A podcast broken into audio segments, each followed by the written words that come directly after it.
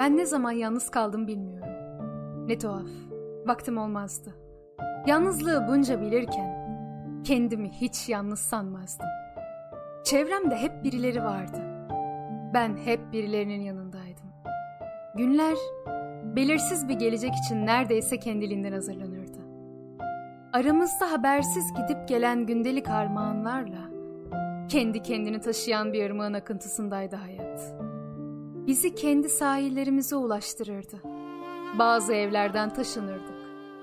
Bazı insanlar girip çıkardı hayatımıza. Bazı mektuplar alırdık. Bazı sözler. Bazı çiçek selamları.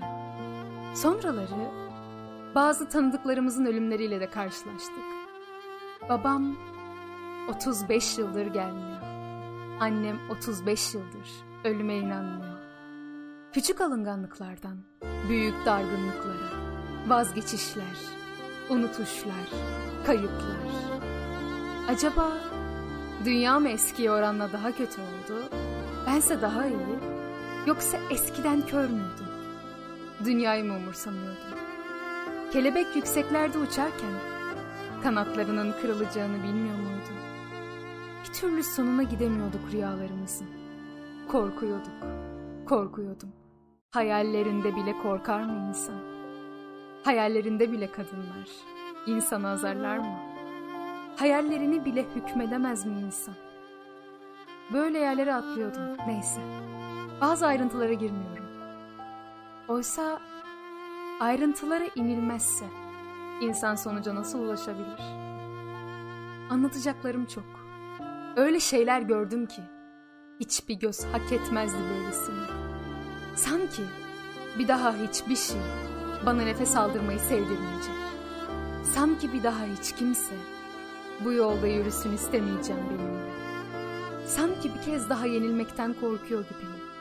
Ve sanki bir daha düşersem bir daha ayağa kalkamayacak kadar güçsüz. Yaprağa inanırım ben. Yağmurun yağmasına, bozkırın avucunda akan parmak suya. Havaya atılan ateşin yere düşmesine, bir köpeğin havlamasına, adres arayan birinin gittikçe artan kaygısına, alın çizgisine. Ben inanırım. Susan babalara, annelerin yaşama telaşına, bir çocuğun beklerken terleyen yüreğine, yolların tükenmez birer hasret katarı olduğuna. İnanırım, inanırım ölümün bir gün bizi de güzelleştireceğine.